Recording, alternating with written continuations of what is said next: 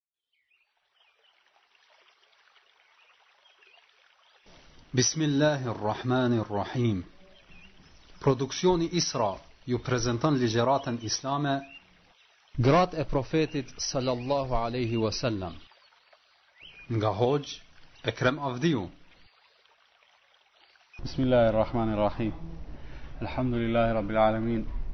وأشهد أن لا إله إلا الله ولي الصالحين وأصلي وأسلم على النبي المصطفى الأمين المبعوث رحمة للعالمين وعلى آله وصحبه ومن دعا بدعوته يتمسك بسنته إلى يوم الدين takojnë التاكوين الله تمضروار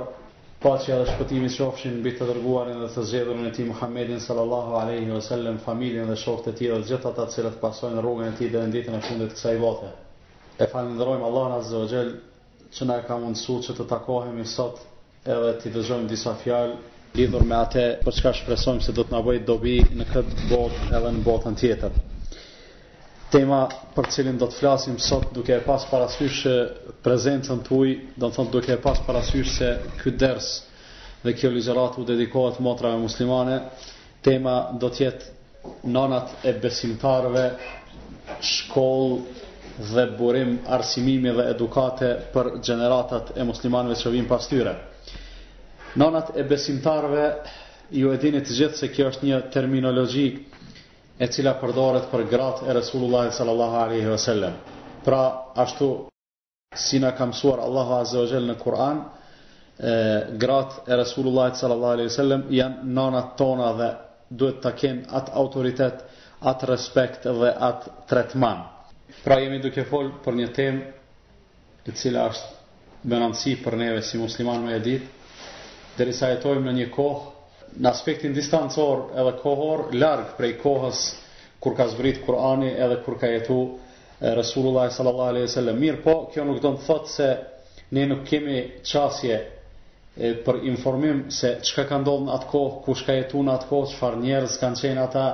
si e kanë praktikuar Islamin, si e kanë adhuruar Allahun azza wa jall e kështu me radhë.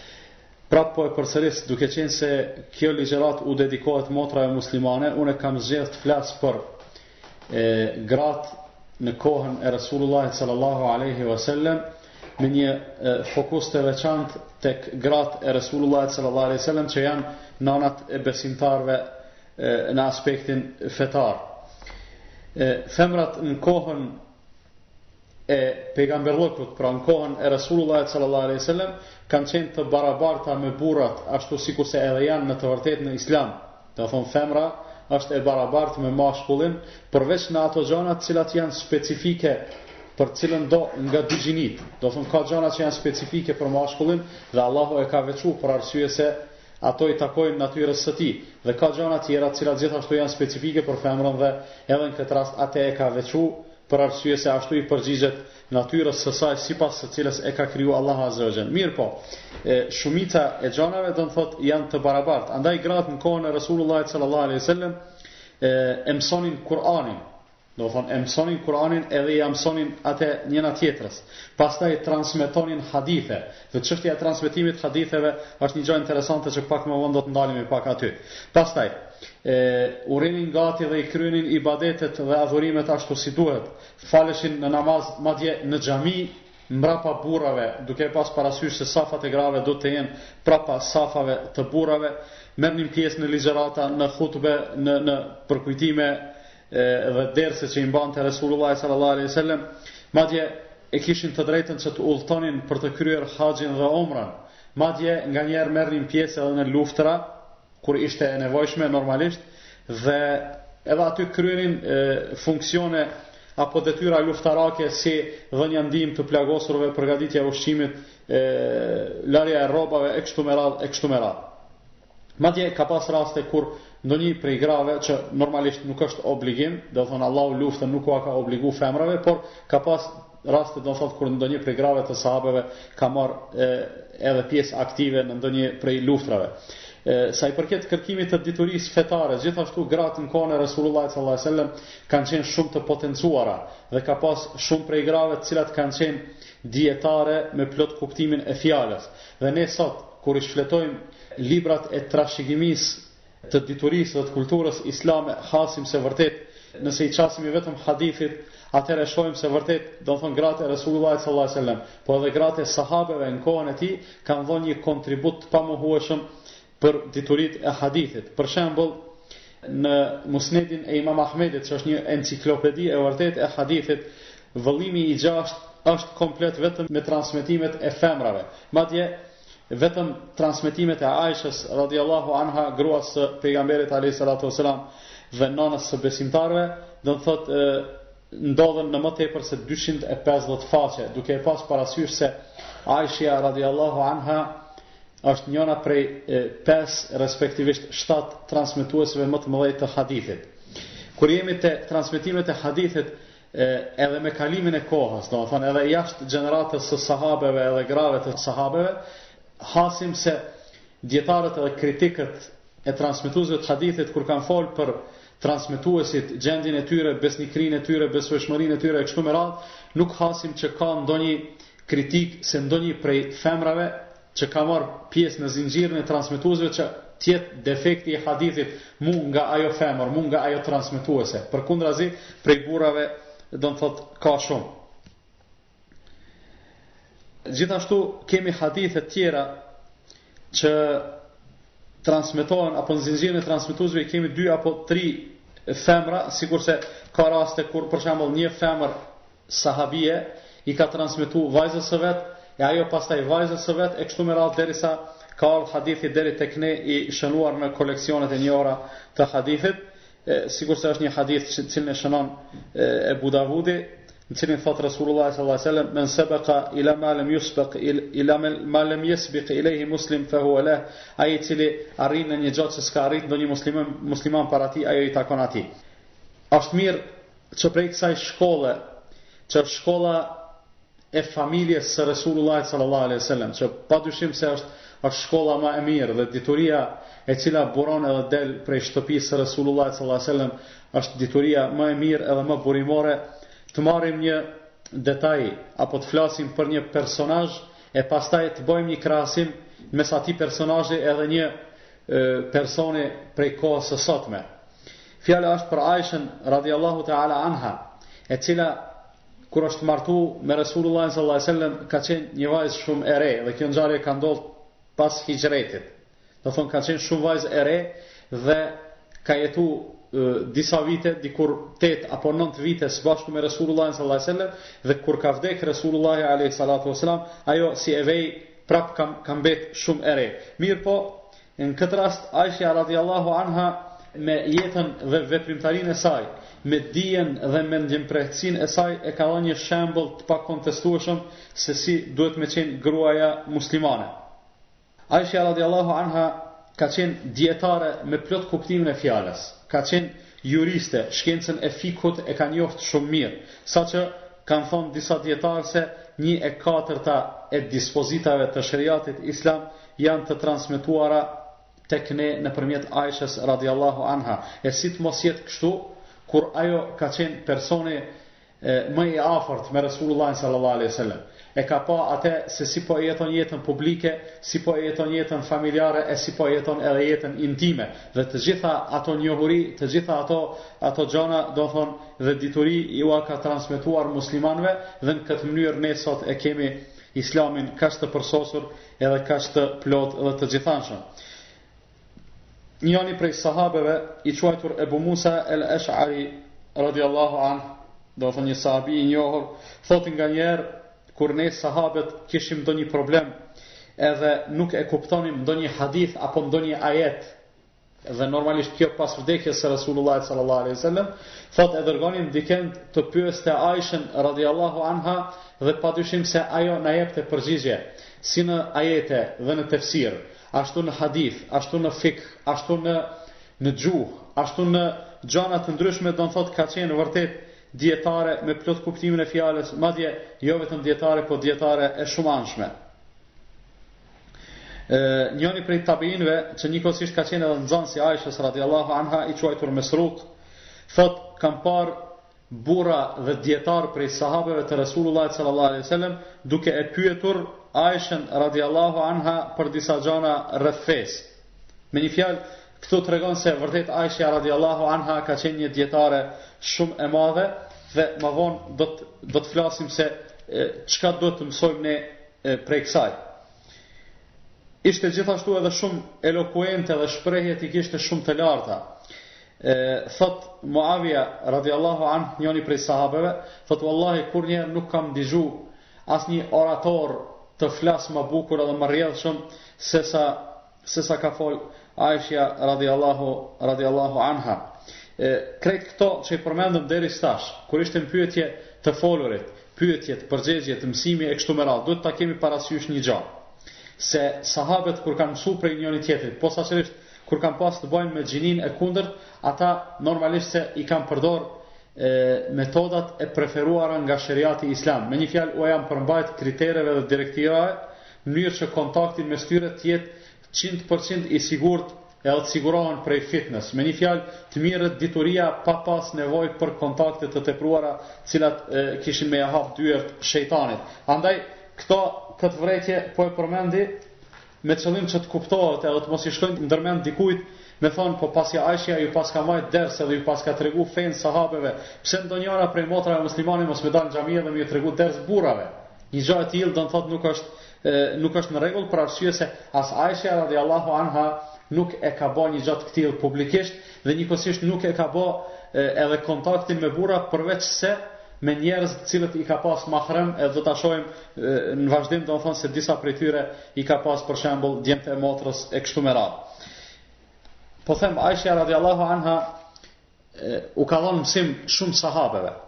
Po them shumë sahabeve për arsye se do thon ka pas prej sahabeve të cilët kanë marrë mësim prej Aishës, sikurse për shembull është vet Omeri radiallahu anh për disa çështje e ka pyet Aishën duke e pas parasysh se Omeri ka qenë një njeri i madh Një njeri me dije, me, me, me burrëri, me trimëri, me qëndrime, domethënë të dëshmuara në historinë islame. Me gjithatë, edhe ai ka pas nevojë, e, për dijen e Aishës, radiallahu ta'ala anha. Përveç Omerit, prej Aishës ka mësu dhe ka përfitu dhe djali i tij Abdullahu, pastaj Ebu Hurejre, sahabi i njohur, Ebu Musa el Eshari, Zejd ibn Khalidi, Ibn Abbasi, e kështu me radhë, e kështu me radhë, do thotë që të mos i përmendim e, shumë. Gjithashtu ka pas edhe prej tabiinëve, prej gjeneratës që nuk e kanë mri pejgamberin alayhis salam, por i kanë mri sahabët, ka pas prej tyre, domethënë se kanë mësuar prej Aishës. Prej tyre ka pas dijetarë të njohur që edhe ne sot i njohim sikurse është Ibnul Musayyibi, pastaj Mesruku, Abdullah ibn Alimi, Ebu Seleme ibn Abdurrahmani e kështu me radhë. Ka pas gjithashtu prej familjes së saj, se normalisht njeriu kur të është i ditur, atij më së tepërmi duhet me ia pa hajrin edhe duhet me e shfrytëzu familja e saj. Kështu që të afërmit edhe familja e saj normalisht se kanë pas përfitim edhe edhe kanë pas e, dobi prej dijes së Aishës radiallahu anha, prej tyre ka qenë motra e saj Ummu Kulthumi,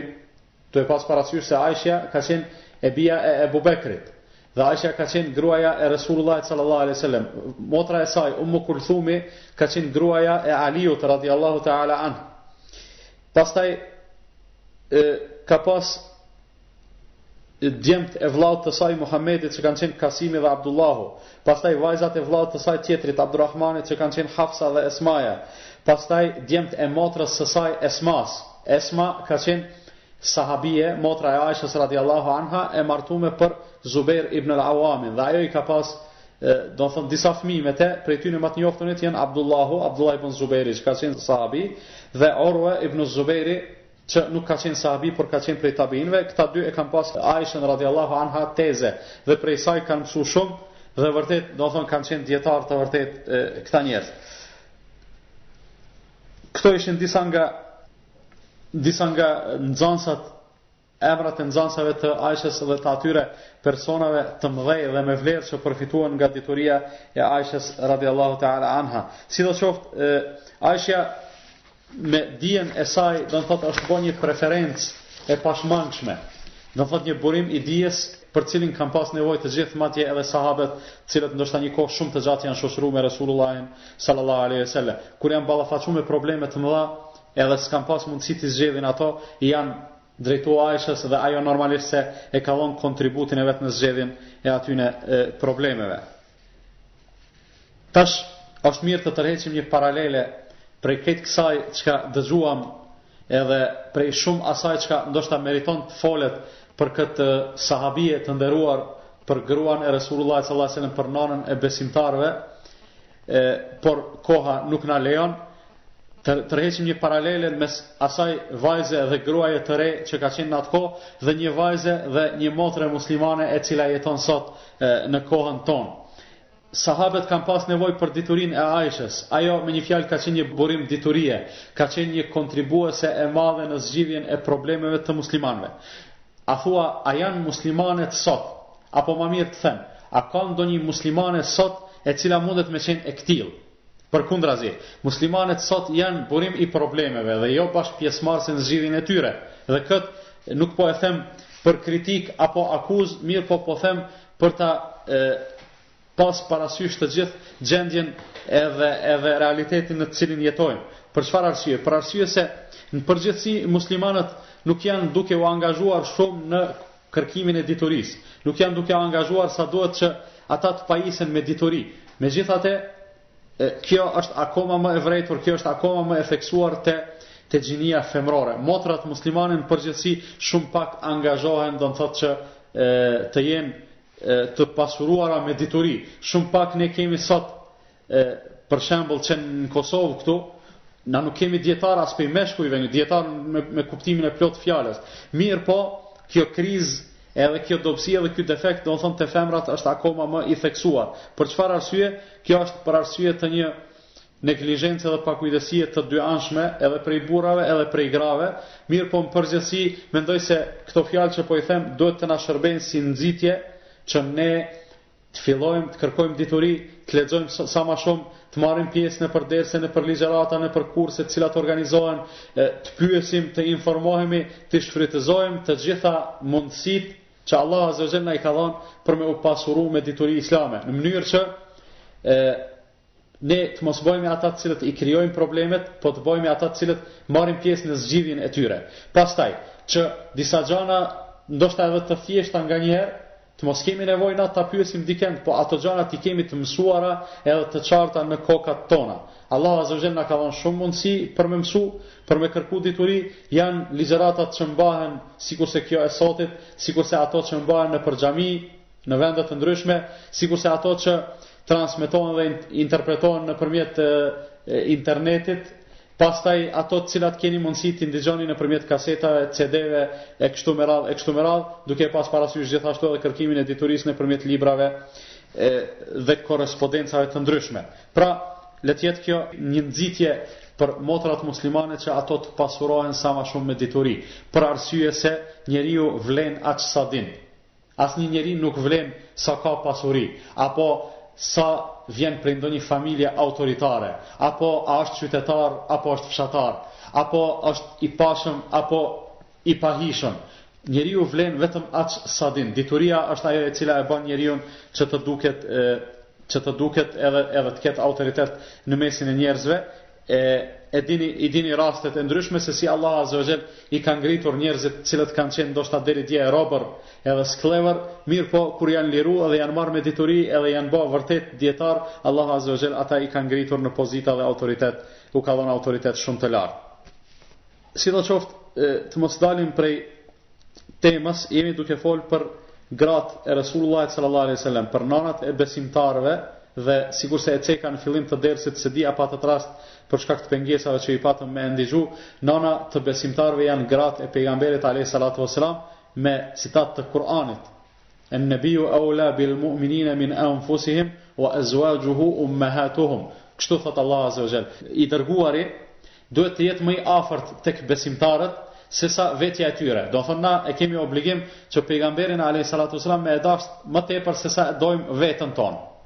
Dhe gratë e tija janë nanat tona.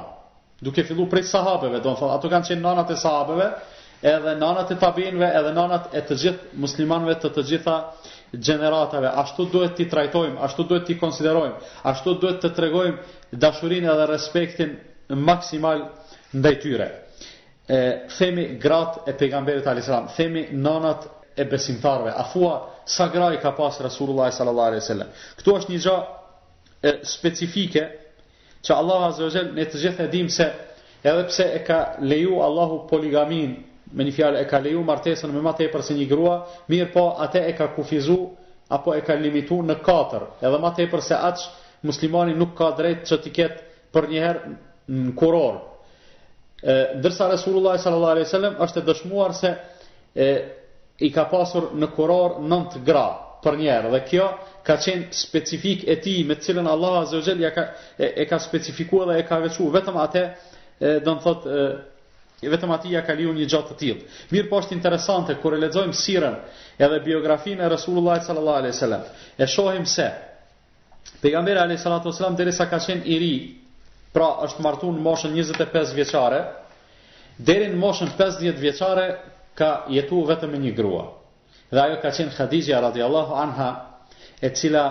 ka qenë 15 vite ma e vjetër se Resulullahi sallallahu alaihi wasallam. Do thotë ky është martu duke qenë 25 vjeçar, ajo ka qenë 40 vjeçare. Pejgamberi sallallahu alaihi wasallam Të gjithë ne e dimë prej leximeve tona se ka qenë shumë i bukur, ka qenë shumë i pashëm, shumë me autoritet, të gjithë e kanë dashtë, të gjithë e kanë dëshiru, përveç ata që ia kanë pas inatin, dhe me pas dashtë dhe me pas qenë ashtu si mundohet dikush me e,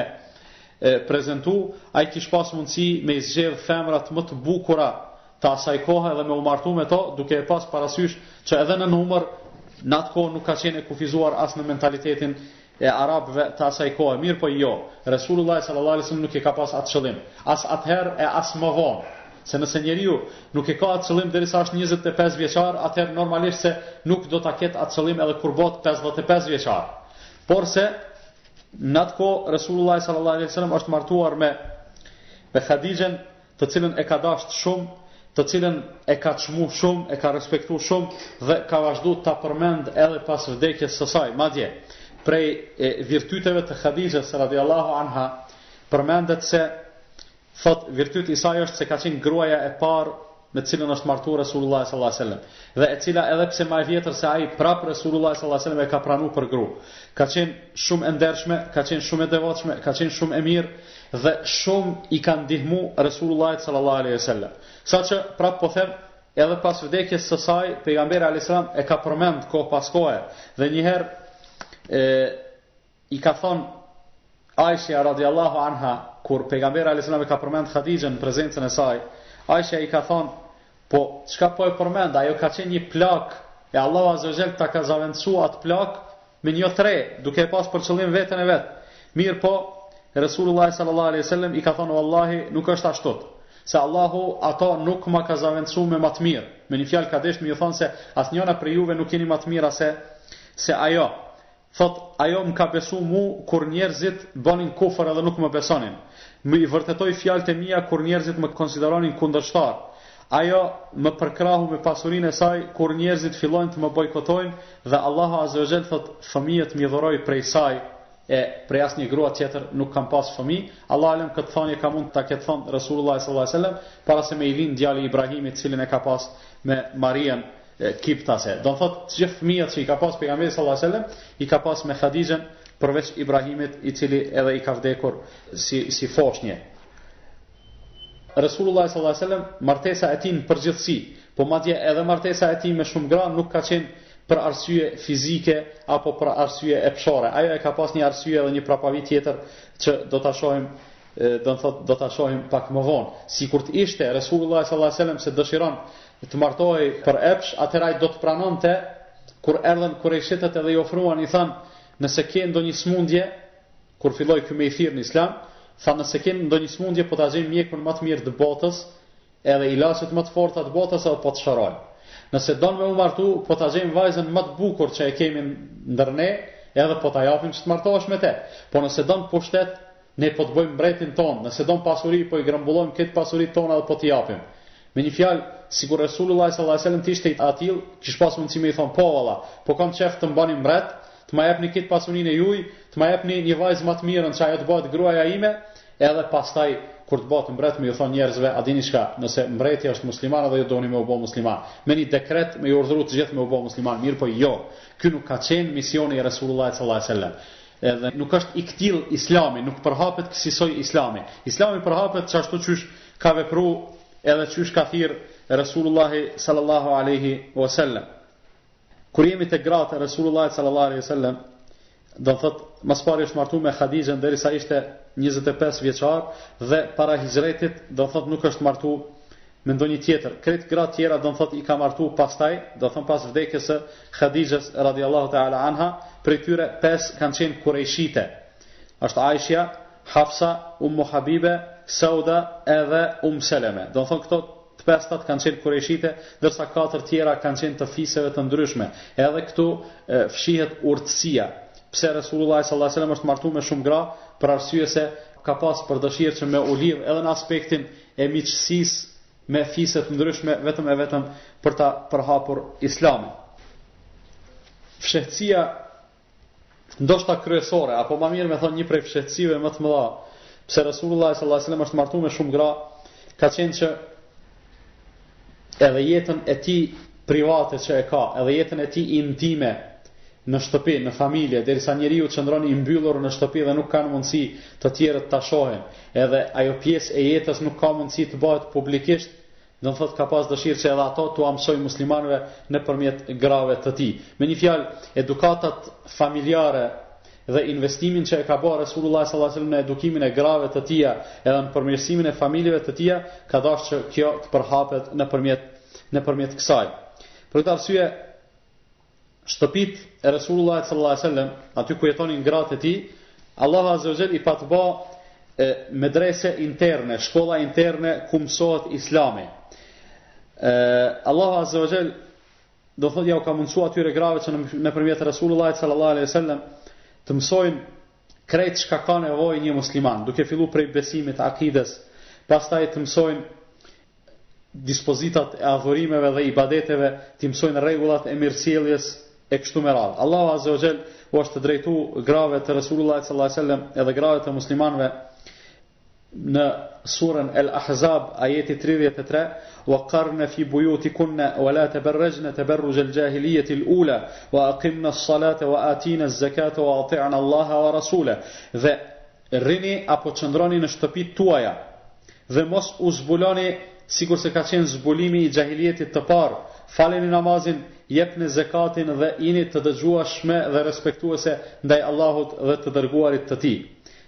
Të nderuara motra, të qëndruarit në shtëpi, që është urdhër i Allahut azza wa jall sipas ajetit tridhjetë e tre të surës El Ahzab, çka nënkupton, a thua, gruaja duhet të burgoset në shtëpi, t'i mbyllen dyert dhe dritaret dhe ajo të rrijë aty e vetmuar, nuk është ky qëllimi i ajetit. Qëllimi i ajetit është që gratë Gratë të mos dalin edhe të mos gjinden aty ku nuk ka nevojë, aty ku nuk është e dobishme për to, aty ku përkundrazi ato kanë mundësi vetëm të dëmtohen si në dunja ashtu ashtu edhe në ahiret. Përndryshe, vazhdimi i ajetit tridhjetë e katër të surës Ahzab na e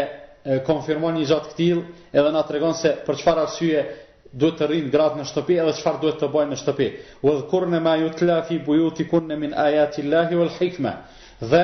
përkujtoni edhe kinje parasysh ato çka lexohet në shtëpitë tuaja prej ajeteve të Allahut dhe urtësisë. Pra, gruaja kur rrin në shtëpi, Ajo duhet të mësojë. Kur rrin në shtëpi ajo duhet t'i lexojë fjalët e Allahut Azza wa Jall. Duhet t'i lexojë fjalët e Resulullahit sallallahu alaihi wasallam. Duhet të mësojë diturinë e pastër edhe të dobishme islame. Duhet ta shfrytëzojë kohën e saj në atë që do t'i bëjë dobi asaj në dunja dhe në ahiret. Dhe secila prej motrave muslimane ka mundësi sot ta pyet veten e vet, sa unë e shfrytëzoj kohën time, sa unë e zbatoj këtë urdhër të Allahut Azze o Gjell, sa kohë edhe sa orë gjatë ditës unë i kaloj në shtëpi, e sa i kaloj jashtë shtëpisë, edhe kur rri në shtëpi çka bëj, a i shfrytëzoj ashtu si më ka urdhru Allahu Azze o Gjell, që të përkujtoj ajetet e Allahut edhe, edhe, edhe urtësinë që është suneti i Resulullah sallallahu alaihi wasallam apo e kaloj kohën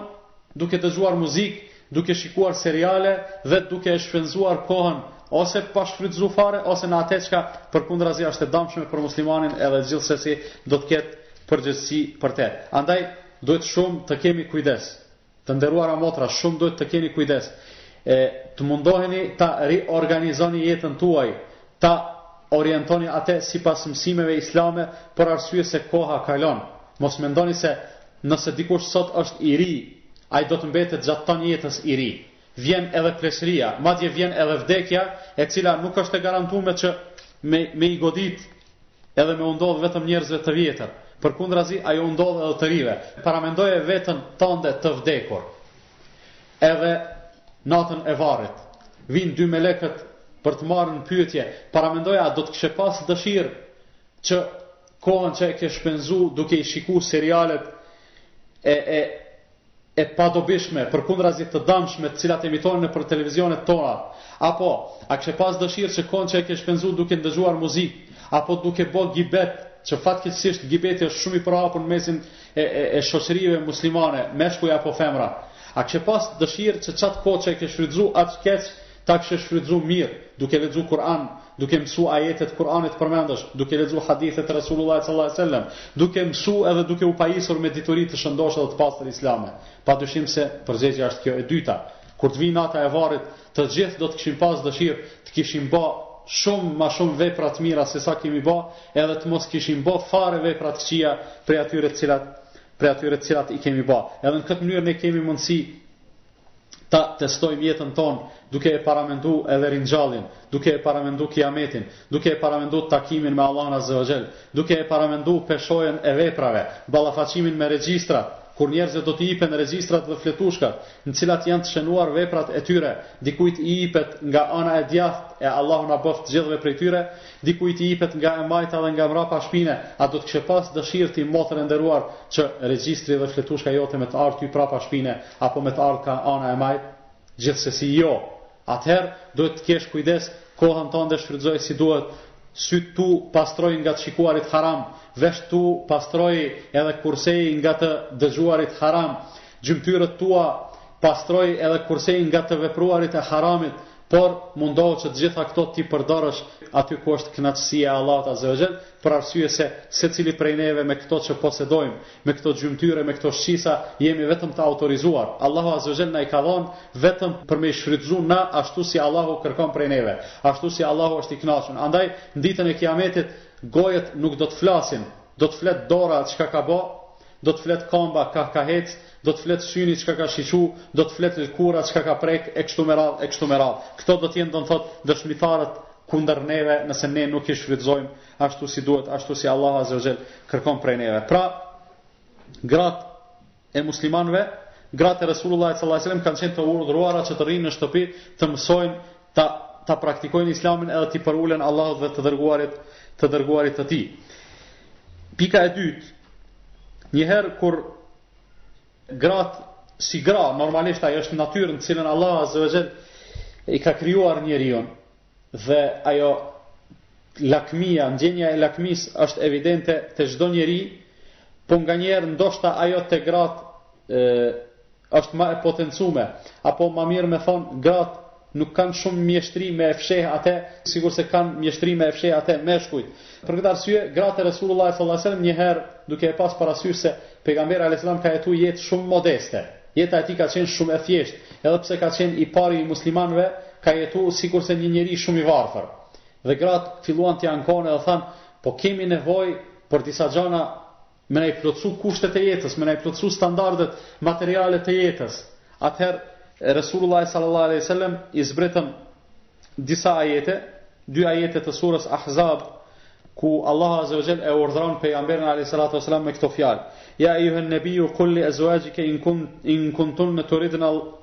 Ja ejjuhen nebijju kul li ezuaxhike, in kuntunne turidnel hajated dunja ue zineteha fe tealejne, umettiakunne ue userrihkunne serahan xhemila. O ti i dërguar, thuaju grave tua,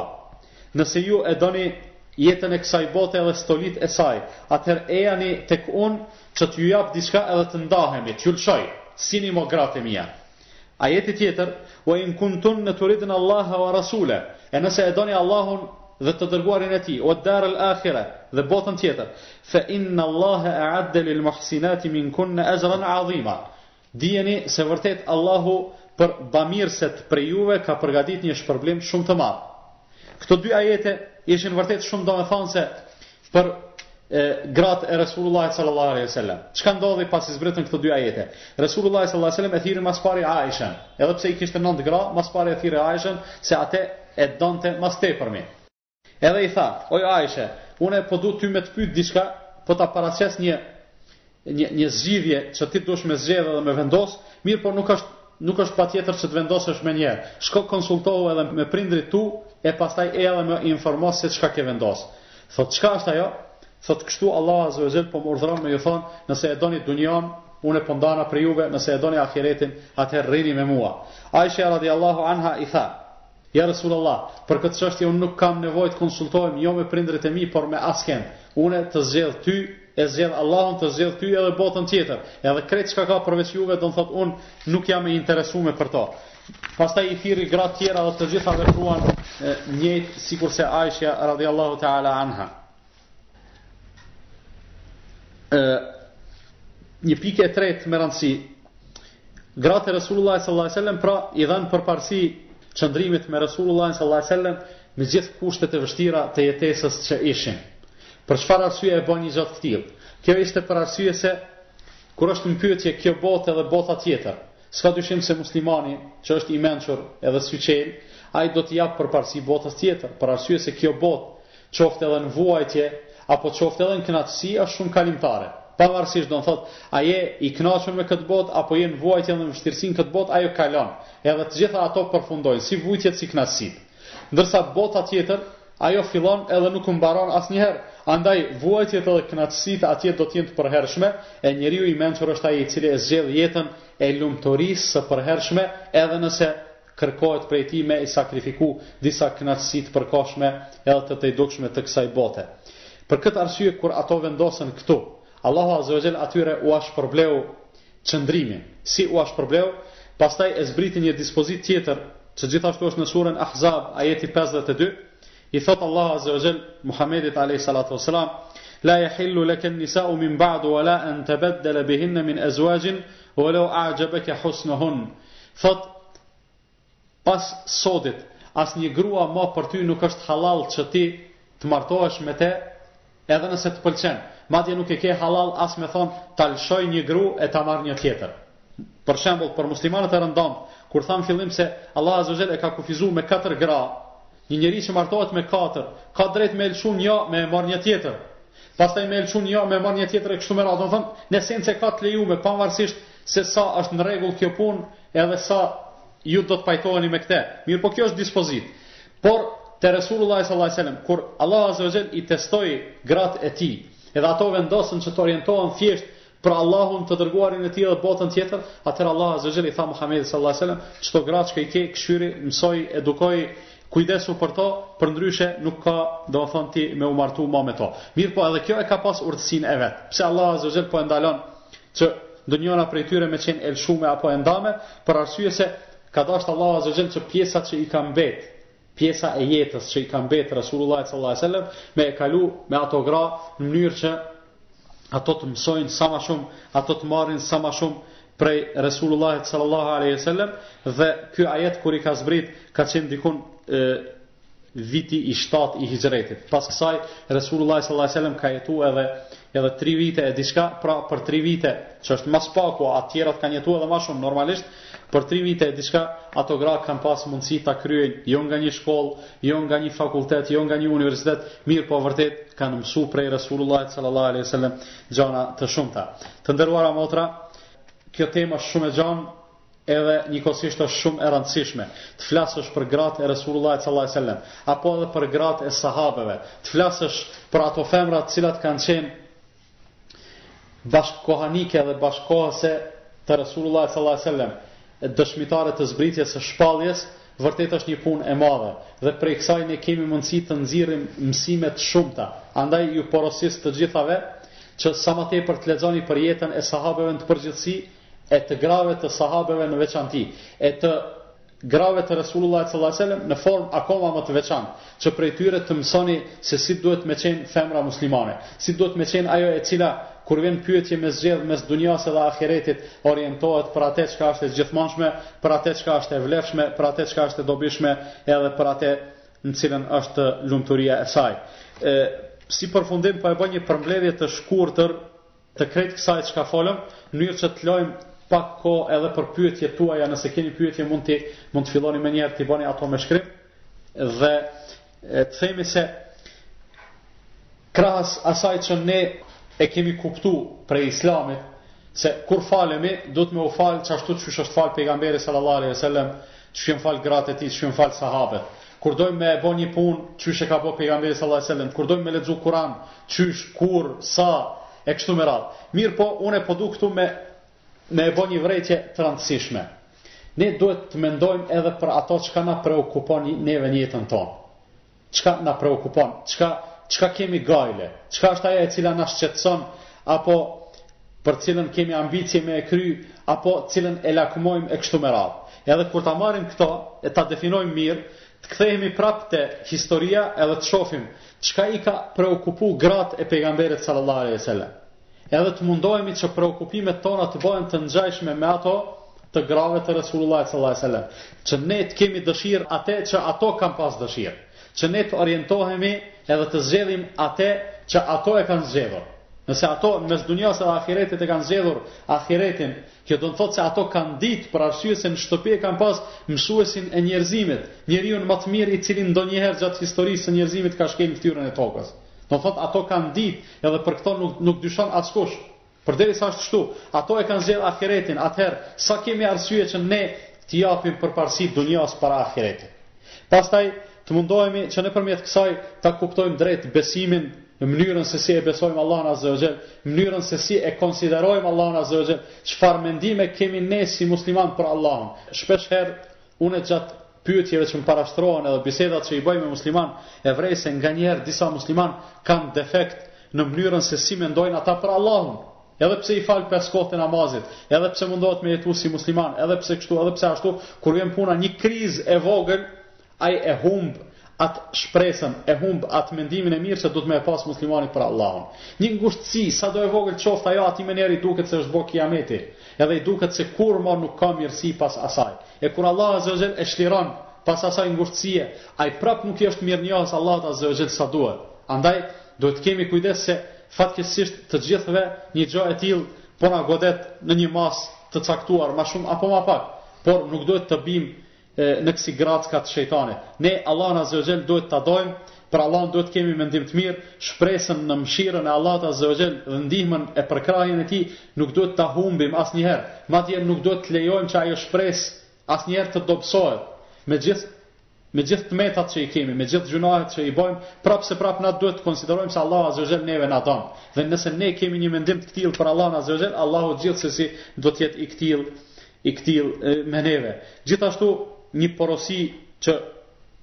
kërkoj prej juve që ta mbani në mend, mundoni që sa më tepër të arsimoheni në aspektin islam. Mësoni sa më tepër, të nderuara motra, mësoni sa më tepër për arsye se aq sa dini aq edhe vleni. Mos të keni nevojë për çdo të madhe edhe të vogël me u bë ihtiaç me e pyet dikend e që nganjëherë ndoshta e pyetni dikend se ndoshta edhe s'din me ju tregu. Mos u bëni që me i bë Allahut azza wa xhel ibadet pa dije, se shumë shpesh ndodh te muslimanët edhe një gjë e këtillë. Andaj pasuroni me dituri islame për arsye se kjo ua ndriçon rrugën e jetës në këtë botë, po gjithashtu u jep gradë edhe pozitë tek Allahu azze o xhel në botën tjetër, e lus Allahun azze o xhel që të na i falë të gjitha mëkatet, të na dhurojë sinqeritet në fjalë e në vepra, të na bëjë të dashur Kur'anin edhe sunnetin e Rasulullahit sallallahü alejhi ve sellem, të na e mundësojë që ato t'i praktikojmë edhe t'i pasojmë ashtu si duhet, e them këtë që dëgjuat dhe kërkoj falje prej Allahut për vete edhe për ju, andaj edhe ju kërkoni falje se Allahu është Falës dhe Mëshirues. Nëse keni pyetje, shkruni. Pyetja thotë kështu: Në Ramazan a më përpara me bëj iftar apo me fal namazin e akşamit? Më së mirti do të ishte kështu. Kur të hyn koha, më së pari me bëj iftar në atë kuptimin do të thotë me e prish agjërimin me ujë, me hurma, me çka do të thotë çka të është më e lehtë edhe më më e thjesht më afër dorës. Pastaj pas një 5 minuta do të thonë që e bëjmë një një që i thonë një iftar të lehtë, me u ngrit edhe me e fal namazin e akşamit, e pastaj me u ul edhe me ngran darkën. Mendoj se kjo është do thon ma e mira edhe ma ma praktikja. A lejohet të vishen pantallonat në uniformën e shkollës duke e ditur që uniformën duhet ta veshim patjetër? Për këtë pyetje, e njëjta pyetje e patëm edhe të mërkurën në dersin që e patëm në xhami, edhe e dhash një përgjigje. Po ndoshta nuk ka qenë shumë e qartë se e kam dhënë pak si të përgjithshme.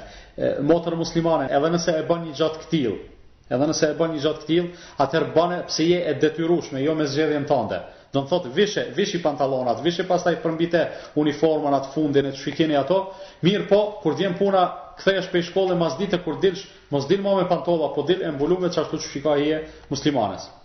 A pranohet leximi i Kuranit pa texhvid? Pranohet, Pranohet, mirëpo duhet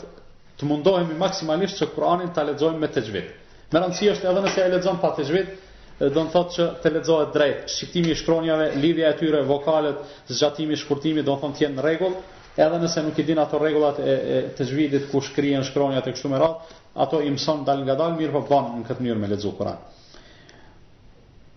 E çfarë vlere kanë femrat në Islam sot në këtë kohë?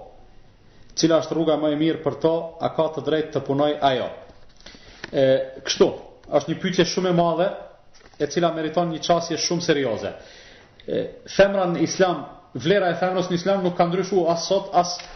as që ka qenë përpara. Mundet me ndryshu pozita e saj tek njerëzit që Islami normalisht se nuk është fajtor. Do thonë nëse nëse një person apo një shoqëri e trajton femrën në mënyrë të padrejtë, kjo nuk do të thotë se Islami ka thonë edhe ka kërku ashtu. Përkundrazi Islami në ato çka ka mundësi edhe ka hapësirë e ka bërë të barabartë femrën me mashkullin. Në ato çka është specifike e ka lënë specifike që ashtu qysh i përgjigjet natyrës së saj. Rruga më e mirë për femrat muslimane është me e njoftë fenë. E ti kur ta njohësh fenë, atëherë ke mundësi me e ditë se çka të lejon Allahu dhe çka të ndalon. E din edhe pyetjen tjetër të fundit që është a ka të drejtë të punojë. Kur ta njohësh fenë, ke, ke me pas mundësi me e ditë, a ki të drejtë të punosh. Po, ki të drejtë të punosh, edhe duhet të punosh. Mirëpo çka me punu? Edhe ato punë që i bën n'shpi, ato janë punë. Edukimi yt i fmive është punë. E, kujdesi yt për, për, për burrin tand, nëse je bashkëshorte, do thonë edhe ajo është punë. Po në anën tjetër nëse nuk je, je në një, në një e, periudhë më të hershme, derisa je duke shku në shkollë ose duke i vazhdu studimet, edhe ajo është punë. Po edhe nëse kur vjen puna me u punësu, Edhe aty ka hapësirë që femra muslimane me punu, mirëpo janë disa kritere të cilat ne duhet me i pas parasysh, edhe duhet me i respektu për arsye se mosrespektimi i atyre kritereve, sikurse është përzierja me meshkuj, e, vetmimi me ta e kështu me radhë, mosrespektimi i këtyre kritereve ka bo që sot përhapen E veprat e këqija do thon deri në këtë masë sa janë përhapur tek ne fatkeqësisht, e që nuk duhet me qenë të përhapura në këtë masë, do thon tek tek muslimanët. Po them, çështja e pozitës së femrës në Islam është një gjë, është një gjë interesante, është edhe një temë tjetër se si Islami e ka nderu edhe e ka ngrit femrën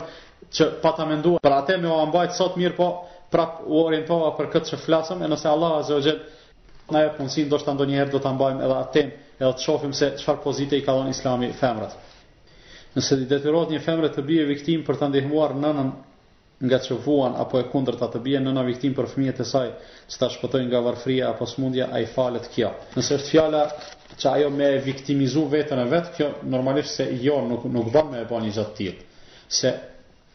Pyetja është shumë e përgjithshme edhe për mua është pak e paqartë. Mirëpo nëse është fjala që po e zon nana me bë vetvrasje për me shpëtu vajzën ose vajza me bë vetvrasje për me shpëtu nanën, një gjë e tillë nuk nuk po muj me e paramendu se ka mundësi me ndodh, por nuk lejohet. Nëse e keni fjalën Nëse në kët në kët kontekst ka mundësi njeriu me u viktimizu ose me u martirizu për çka për ta ngjall dikend në aspektin fetar që dikush të udhëzohet e, e keni rastin e asaj gruas besimtare në kohën e faraonit që është në një prej ligjëratave të mia ndoshta keni pas rastin me e pa në DVD e, ato që mbajtën zjarrin me dorë andaj ju preferoj që ta ndigjoni atë ligjëratë dhe aty do t'i kuptoni shumë gjëra lidhur me këtë çështje